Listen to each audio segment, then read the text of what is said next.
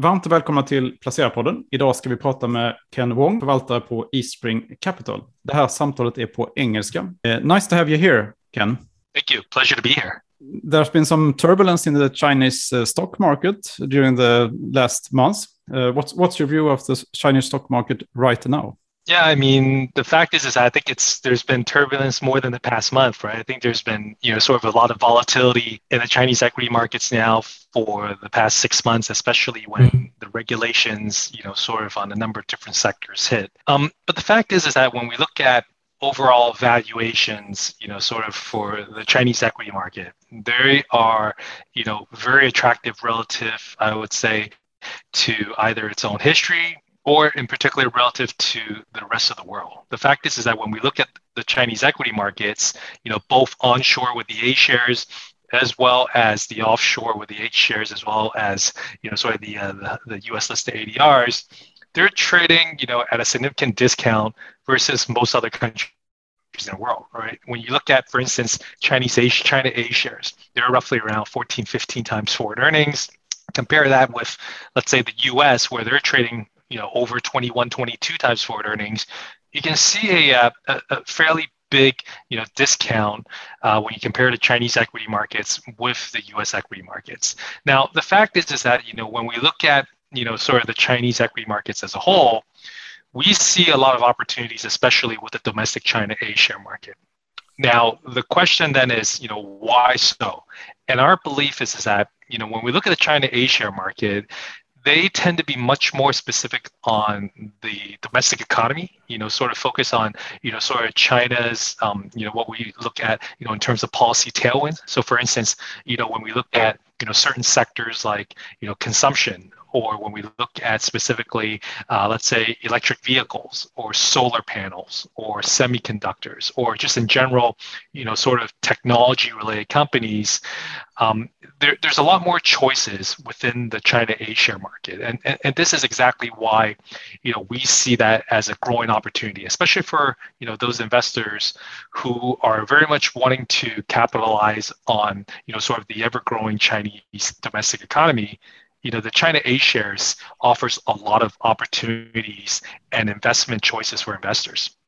Isn't that a better trade to do than going for the, the usual suspects like Alibaba and Tencent for capturing the growth of China? Yeah, the, I mean, over the years, you know, a lot of investors have, you know, continuously, um, you know, sort of had exposures um, for China through, like what you mentioned earlier, you know, with the likes of Tencent or Alibaba. But the thing that you know we also have to realize is is that when we look at the overall breadth of, you know, sort of the different markets, the fact is is that the A share market has over 4,200 companies, um, you know, sort of listed. When you look at Hong Kong, that number is only around 1,200. And then when you look at the US listed ADRs, that number falls down to you know 275. And so, you know, given the, uh, the, the circumstances and also given, you know, sort of the significantly bigger amount of choices when it comes to investments on the A shares, we think there's a lot of opportunity there. Let me give you a very distinct example. For instance, uh, we talked earlier about, you know, sort of IT companies, information technology companies. There's over 780 of these companies listed in the A shares. You compare that with uh, Hong Kong, where there's only about 110 or so, and the US, there's only about 73. So you can see that, you know, as a stock picker, you know, we have a much bigger opportunity set when it comes to trying to identify stocks uh, which can be a benefit, you know, when it comes to some of the uh, some of the policy uh, tailwinds that we're seeing in China. Do you favor any any uh, particular sector right now? Yeah, um, you know, our when you look at specifically some of the key, you know, sort of themes that we're looking at right now, um, we look at in particular consumption. So consumer discretionary is definitely a key area that we continue to focus on. Um, and then, you know, as I mentioned earlier, when we look at, you know, sort of electric vehicles, and, and again, not necessarily the actual auto manufacturers, but, you know, we look at some of their suppliers, right? The fact is, is that there are still quite a number of, uh, you know, different EV suppliers which are based in uh, China. And the fact is, is that their valuations and sort of, you know, sort of what they're trading at right now is at a significant you know discount as compared to you know some of these larger EV makers. Uh, solar panel is another thing that we continue to uh, you know continue to have a, a, fairly bullish view on. When we look at you know sort of some of these policy discussions um, surrounding China, one of the things that we do you know sort of uh, understand is the fact that you know China is trying to become carbon neutral by 2060. I think you know sort of you know in the U.S. you know President Biden has signed off on wanting the U.S. to be carbon neutral by 2050. Right. I think that's sort of the uh, the, the, the new the new war right between China and the U.S. is you know sort of you know which country potentially uh, could go carbon neutral first. Right. But again, you know, uh, when, we, when we look at some of these examples, you know, we think, you know, overall consumer discretionary. When we look at EV, when we look at solar panels, you know, when we look at you know semiconductor industries, these are very more longer term strategic, you know, sort of themes that we continue to, um, you know, have a very bullish view on. And then, you know, sort of when we add that, add in a, you know, sort of maybe a more shorter term, you know, sort of over the next year or two, you know, what are also some of the potential, you know, sort of tactical, you know, sort of overlays that we potentially might have on certain sectors, you know, then, then we'll look at, you know, some of the things like, you know, potential rising inflation, you know, is that going to have, you know, a lasting impact on, for instance, material costs and potentially, you know, sort of material related companies could benefit from that. Um, or, you know, sort of more recently with some of the crackdowns that we've seen, for instance, uh, let's say in China's housing market, you know, potentially who does that benefit? We, you know, we, we know for a fact that China continues to build homes, but if developers have a lot of issues, then you know instead of investing in developers, we focus more on, for instance, property management companies, or we focus a bit more of our attention on the material related companies. You know, sort of those companies that will continue to benefit from a rise in, uh, in, in, in consumption, right? So what we try to do is we we have a very structural long term view of China but then, you know, because when you invest, you can't just only solely focus on the long term and forget about potentially what are some of the, you know, sort of short term fluctuations, which could have an impact on, you know, sort of overall portfolio performance. And we really try to, you know, emphasize, you know, looking at both sort of the shorter term, the medium term, and the longer term to really construct our portfolios. We have a lot of clients that have invested in Chinese companies in in US some companies are delisting now, like uh, Didi. Your view, how, how should uh, we as an investor see the problem, or is it an opportunity? Or yeah, I mean, given some of the new regulations, right? The fact is, is that China is now, you know, sort of, um, you know, taking away that potential for these VIE structures for companies to like Didi, to, you know, sort of list in the U.S.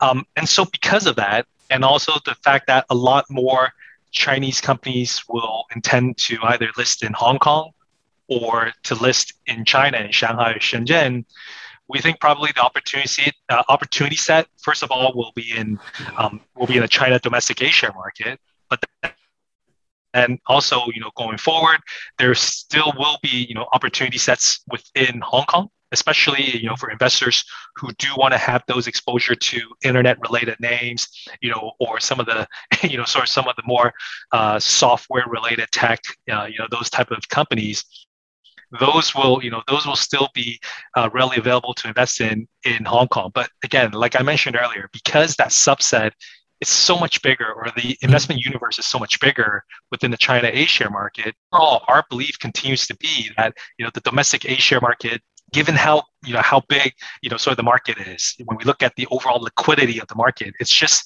you know significantly bigger than the others. When, when we look at you know just overall um, you know just overall market cap and when we look at sort of the uh, you know sort of the daily trading volumes those very much compare to uh, you know sort of what you see normally on a day-to-day basis uh, you know as compared to the us so for the for investors you know who are looking for more diversification, um, you know, who wants to have those abilities to, to, to really invest in a very, you know, sort of a, a very liquid market. Uh, the China A-share market, you know, it definitely does fit the bill. And also, don't forget this one other key point, which is, you know, despite the fact that the A-share market um, has actually seen more of an importance for global investors, mm-hmm. the amount of exposure that um, global investors have to the China domestic A share market is still very low. And the fact is, is that you know we, we we were looking at some of the some of the analysis recently that was done. It was noted that you know, for instance, U.S. investors have less than one percent exposure in China A share. When you compare that with, let's say, the U.S. Uh, sort of U.S. investors in uh, in the Hong Kong listed Chinese shares, they own roughly between 15 to 20 percent, and then the ADRs, you know, U.S. investors own you know sort of more than 30 percent. So you can really see that you know they're very much you know sort of heavily weighted towards Hong Kong or U.S. listed mm-hmm. you know sort of Chinese companies, but the onshore A-share market that in itself is a is, is, a big opportunity set, and and that is also another key reason why we've seen a lot of fund flows heading into the A-share market over the past couple of years through the Hong Kong China Stock Connect. Okay. You know, the first six months of uh, 2021 we've seen more inflows going into the A-share market than what we saw for all of 2020 via the Hong Kong stock, uh, Hong Kong China Stock Connect program. You will you think that will progress? It will be bigger flows in the future.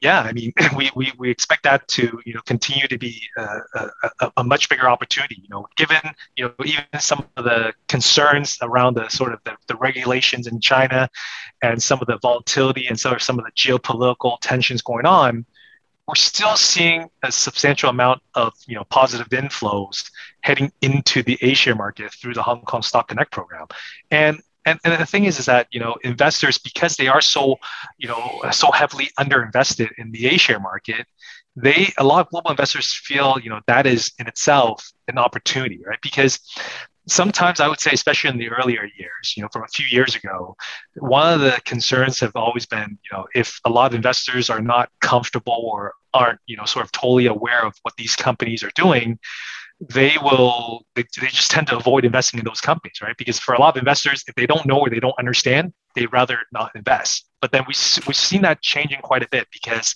for instance a lot of the china a share companies now are hiring for instance uh, investor relations professionals um, you know they're attending more and more investor conferences to really you know sort of talk about what their companies um, you know sort of are doing what their business model like.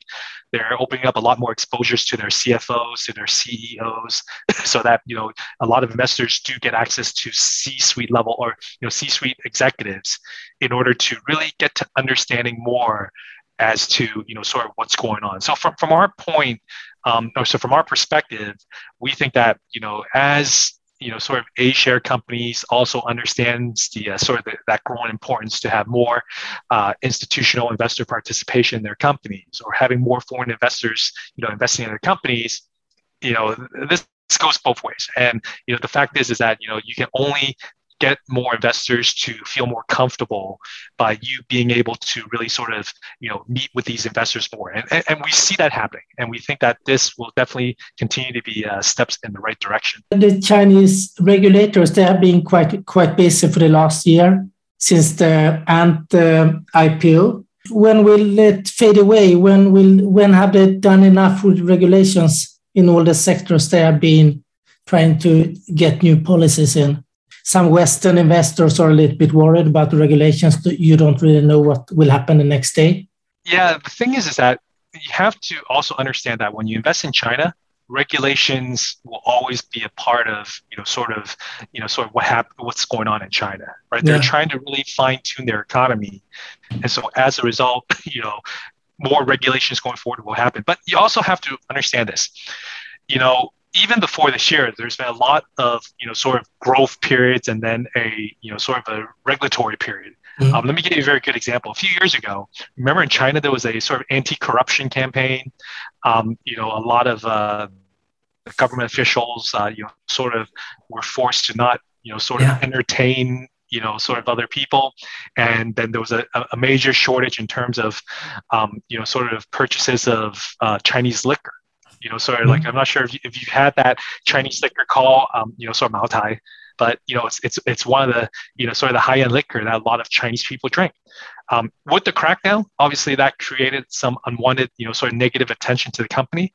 Mm-hmm. But if we look at right now, the biggest Chinese A share company today by market cap is that same Kweichow Maotai you know liquor company. So the fact is is that you know while you know you, you do have boom periods and then a, a period of regulatory you know sort of overhang, the fact is that a lot of these companies continue to still operate at very good profit margins. And, and the way we look at this is that for the companies that we want to invest in, it will generally be those companies that can find ways to work around the regulations and to reinvent itself with their business model. So when we talk about, you know, sort of online gaming and mobile gaming, you know, these crackdowns have happened over the past few years. But then when you look at companies like Tencent or NetEase, they continue to you know provide very you know good amount of you know sort of shareholder returns. They continue to generate you know very solid earnings quarter after quarter.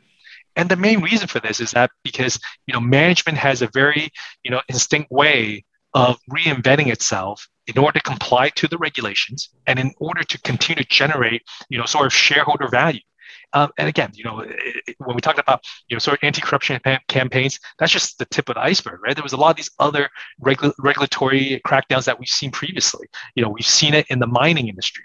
You know, we we've seen it in the pharmaceutical sectors. We've seen it, you know, sort of in a number of different, even the capital markets. You know, we've seen regulations. You know, in the property real estate sector. You know, we've seen, you know, sort of, uh, you know, we we've seen, you know, tightening you know, three times over the past decade. So all these things are widely expected. And, and also that is because of that.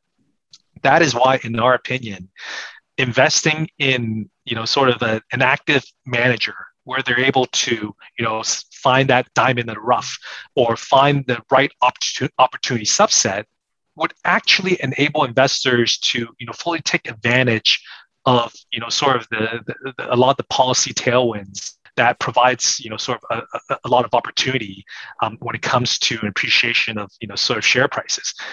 there, there's a lot of these opportunities, and you know a lot of investors might might have shied away, you know, especially with all, all these crackdowns uh, around internet as well as education stocks mm-hmm. uh, during June and July of, of this year. Now, for those investors who invested in, let's say, an ETF, well, yes. I mean, one of the reasons why was a lot of the index heavyweights you know, they were all sort of at the very top of the uh, of the benchmark. And so when these company share prices fell by 10, 15, 20, 25%, or when the education, you know, so after school education companies, their share prices fell by, you know, 50, 60 plus percent and then some. Again, you know, with some of these larger companies that had a fairly big weight, it was inevitable for these guys, you know, investors in these ETFs to lose a substantial amount of their, you know, sort of portfolio value as a result of you know sort of just investing in a pure you know index linked fund. But then for active managers who, for instance, like ourselves, we completely avoided you know sort of the education sector, um, or when we talk about you know sort of A share in general, there is actually less than one percent exposure in internet plus education related stocks in the A shares. In fact, that number is like down to 0.1. You look at Hong Kong, that number is more like 20, 25%. When you look at, you know, ADRs, that number was like 35 plus percent when it comes to exposure. So, so, so that is why, you know, again, we feel, again, you know, not not playing Monday morning quarterback, you know, which basically means that, you know, we're not saying this after the fact, but that's really the true facet, right? It's the fact that you know there's a lot less of these types of exposures that you know that you normally have within the uh, within the A shares, and and that is why you know, I would say that a lot of investors within A shares have been somewhat, you know, immune. I would say, okay, immune is not a great word to say, but they've been somewhat less exposed to some of these, you know, concerns or issues that's been going on.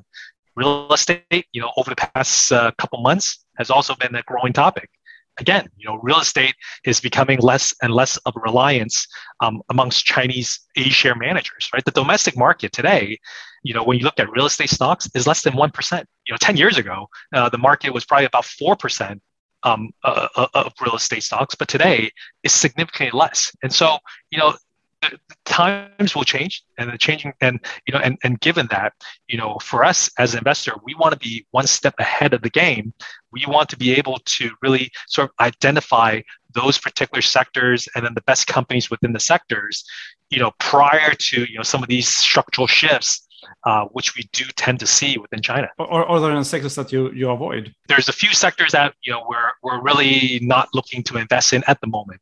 For instance, utilities uh, energy is really sort of areas where we really don't have exposures in.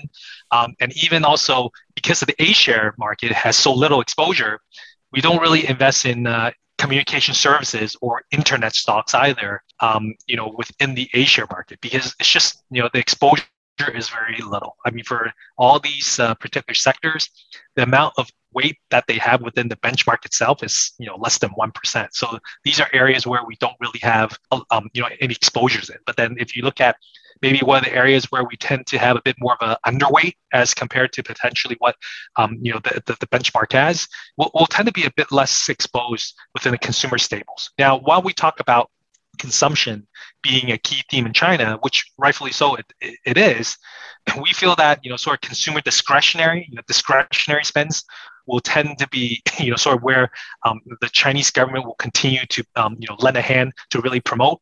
While consumer staples, you know, sort of the less elastic, you know, type of you know companies, those will probably sometimes be regulated um, to a certain extent. I mean, we've seen it before, right? When you look at, remember, just again from a few years ago, the milk industry, you know, was you know there was some regulations, and then there was also talks, you know, just over the past few months, you know, when all these regula- regulations hit, you know, there was a lot of talks, you know, can potentially some of the necessity or some of the staple goods be also regulated. And so, you know, we'll, we'll tend to avoid those particular areas where, um, where either the the upside is really not there, given sort of the lack of a sort of the market breadth, or you know, in those areas where we feel potentially there could be policy headwinds which can affect the overall you know earnings power of companies and and so we, we really are mindful of this because looking at it from a more top down perspective we'll focus very much on um, you know sort of the economic indicators we'll look at specifically the regulations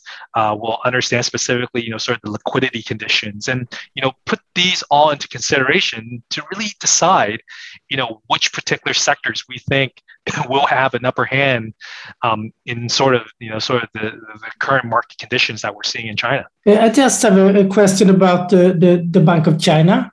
They just uh, uh, cut the bank reserves a few days ago. How, would that affect the market, or is it specifically made for, for the construction and real estate sector, like Evergrande? What we see from you know sort of uh, what's happening there it very much, you know, it, it provides a bit more liquidity into the system by reducing the uh, the RRR. And you know, when we when we look at specifics, and let me let me just kind of you know, look at the number here. But um, over overall, when we look at you know sort of where this numbers takes us, um, again, you know, the RR doesn't hit until the 15th. Mm-hmm. But you know, the, the fact is is that this just really provides a bit more um, you know support for the real economy and in particular, you know, the uh, the small medium enterprises, because um, you know we know for a fact that uh, Premier Li Keqiang has already stated that you know he needs to see the real economy, you know, getting a bit of a boost. Because over the past, if you look at over the past quarter, um, you know, while we're still seeing economic growth in China, there's definitely been a bit of a slowdown in just overall economic growth and as a result because of you know specifically a slowdown um, you know sort of in terms of economic growth there needs to be specifically more stimulus that the Chinese government, you know, needs to do. And, you know, this in itself is really, you know, one of the ways for them to do it. And, you know, we've been seeing RRR cuts now quite a bit. You know, we haven't really seen any RRR uh, rises since basically 2011. You know, since then, we've constantly had RR cuts for large banks as well as smaller banks, where right now, RR is actually now about 12% for the large banks and about 10% for the small banks. At its peak back in, uh, sorry, at the end of 2011, we saw RRR for major banks in China get up to about 22, 21 plus percent.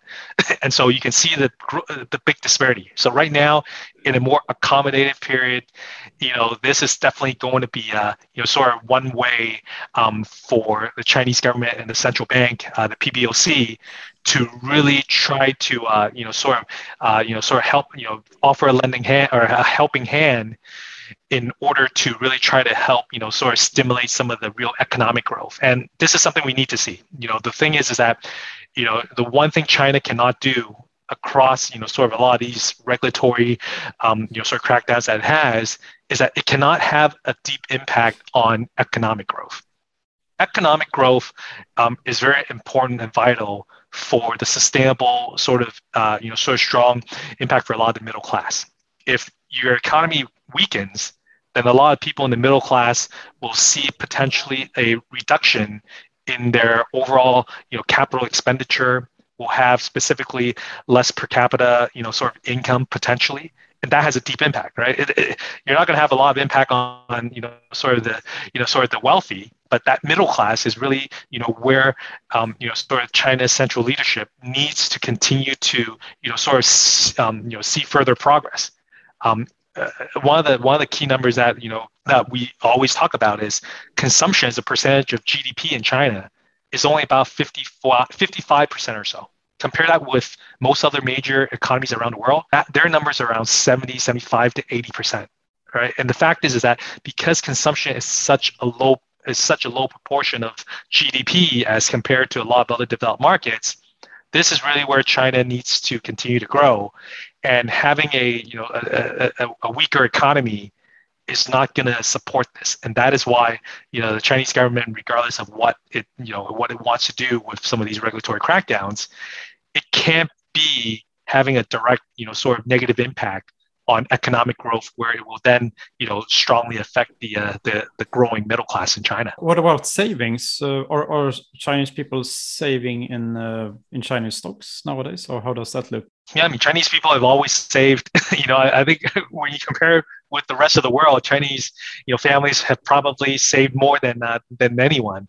Um, but that that trend is changing as well, right? The younger generation, you know, are um, gradually uh, consuming and spending you know, especially through a lot of these social social channels, influencers, and so forth. You know, they're they're very much becoming a you know a, a, a Western type of world with all these uh, sort of consumption power.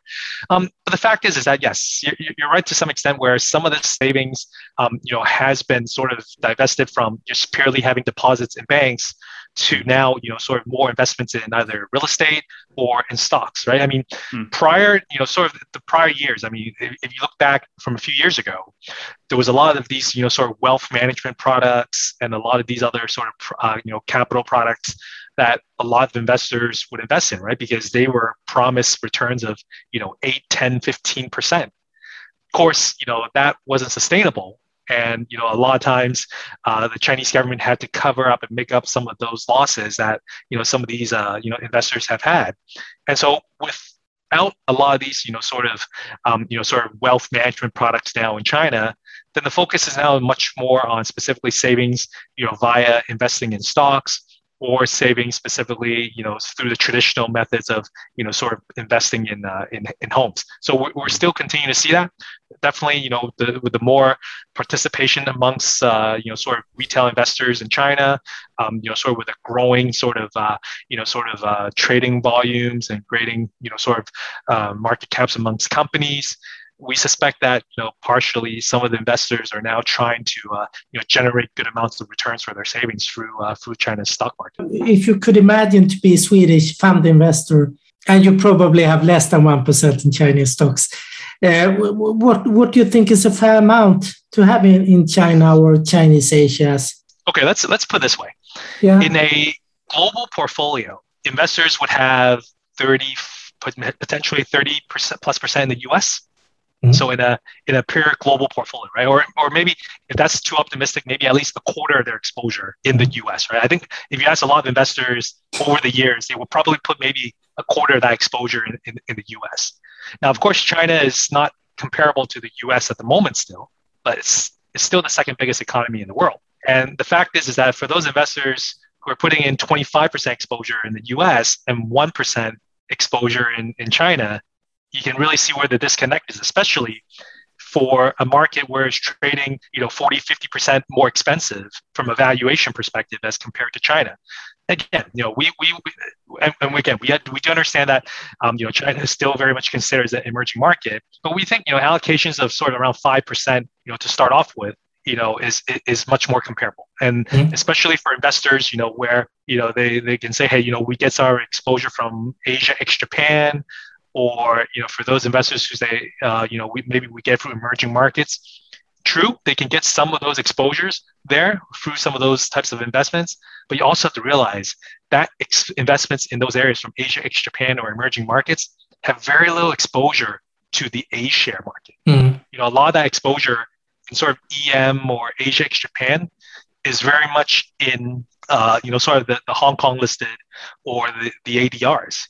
And hence that is why, you know, when people talk about, oh well, but we're, we're afraid of, you know, overlapping, having too much exposure, it wouldn't be the case if you were investing, you know, solely or more focused on the A share market. Because I'm, I'm pretty sure, you know, for a lot of investors, um, if you look at their overall portfolio, their amount of sort of A share exposure is probably not going to be that high. They, will have some, but mm-hmm. again, that, that number will be very low. So from a just overall, you know, sort of if the belief, you know, continues to be that you know you, you, do have a strong belief on China's you know sort of domestic economy continuing to sort of benefit from sort of the various policies that the uh, the Chinese government wants to implement, then the A share market definitely will be a, a, a very good way for investors to, uh, to to go. But definitely, you know, move that large underweight that they would have in China at least to maybe more of a market market weight. Right now, because of all those uncertainties that we saw in the regulations over the past mm-hmm. six months, institutional investors right now have had the biggest underweight towards China. Institutional investors, just global investors in general, if you look at it relative to the MSCI, you know, sort of, you know, global benchmarks, the global, uh, maybe the all country benchmarks, mm. they're underweighting China by over 4%. And this is at the highest, at its, you know, sort of uh, basically at the peak.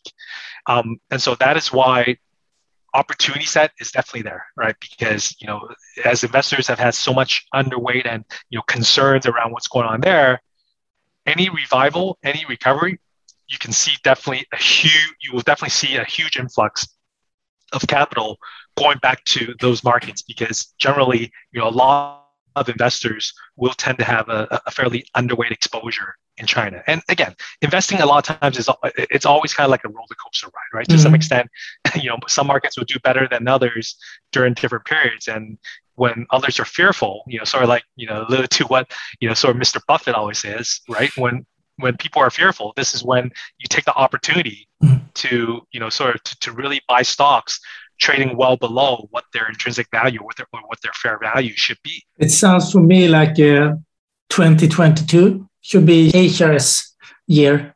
yeah, I mean, it, it's underperformed, right? Yeah. If you look at right now, year to date, um, there, it, it's come back a bit, but it's still, if you look at the A share CSI 300, it's down about 3%. Uh, if, if, you look at the H shares, the you know sorry the H mm-hmm. shares, the stable enterprise, it's down 20%. Right, so the A shares has definitely been a less, a lot less immune, um, but it was it's it's still been, it was still caught up in some of those you know sort of regulatory you know sort of uh, you know sort of negative sentiment. But mm-hmm. yeah, any any revival or any sort of uh, you, you see more investor having a more positive sentiment, then you would definitely see uh, a huge opportunity there. Because like I mentioned before, um, the valuations definitely justifies this. Um, when we look at overall, you know, sort of EPS growth estimates for 2022, you know, very solid at you know sort of 14% earnings growth for next year.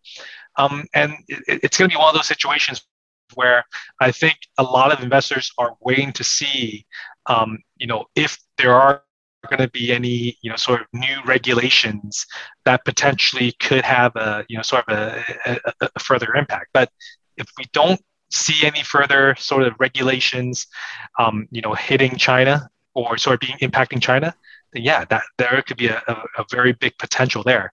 And don't forget, you know, we, we're having a national, uh, China's having their National People's Congress, uh, where you know President Xi Jinping is expected to be, um, you know, sort of elected to another term. Uh, you're going to have, uh, you know, sort of the National People's Congress voting sort of uh, potentially a, a, new Politburo, you know, sort of a new, uh, you know, sort of um, a new group of uh, leaders uh, who will continue to work with President Xi Jinping.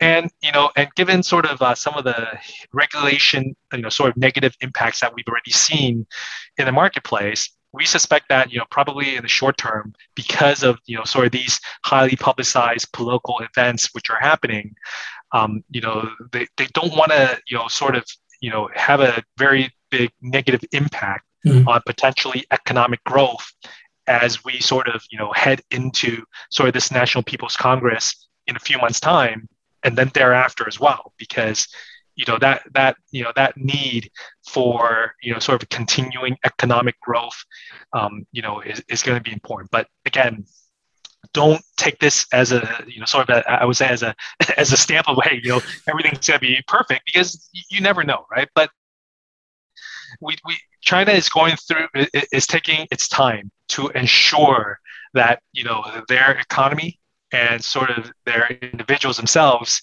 can have a sort of a, a, much longer lasting impact when it comes to you know sort of how how they go about in their uh, in their daily lives right you know in china there's always a lot of these talks of common prosperity right and and some of the reasons why this was the case is because if you look at the gini coefficient in, in china um, it, it lags behind a lot of countries, right? Especially for a country the size of China, you would expect you know, potentially maybe that gap not to be as high you know, it, it is a fairly at a, a fairly high level because you know the rich continues to get richer. And then you know sort of the working class um, you know has sometimes its uh, you know difficulties. I mean again the, the, the, attack on not the attack but the crackdown on education is you know one of the china's way to tackle esg and particularly the s part. You know china and the, and the regula- regulators have, have spoken about needing to um, basically overhaul the after school tutoring program about three years ago but the problem was was that it, the, they were trying to get the you know these education companies to do it themselves, right? To really sort of um, you know sort of reinvent the wheel. But mm. but they did it, right? Because the fact is is that companies will never do this, you know, and and you know which will have a deep impact on their overall earnings. But of course, you know, because they didn't do anything, what happened was the, regulator, the regulators, um, you know, went through this massive crackdown where these education companies were basically told that, you know, the after-school tutoring program has to be part of the nonprofit organization. If middle class families were spending a lot of their, you know, sort of disposable income, putting their children through these after-school tutoring programs. We all want the best for our kids, but and, and because of that, you know, everybody was spending a lot of money to try to get them a better education.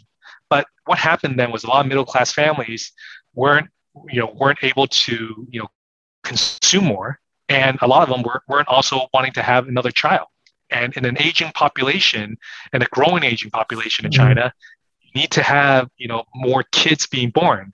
And they and, and the Chinese government saw this very much as a very big social impact because um, you know this had a deep impact on the middle class.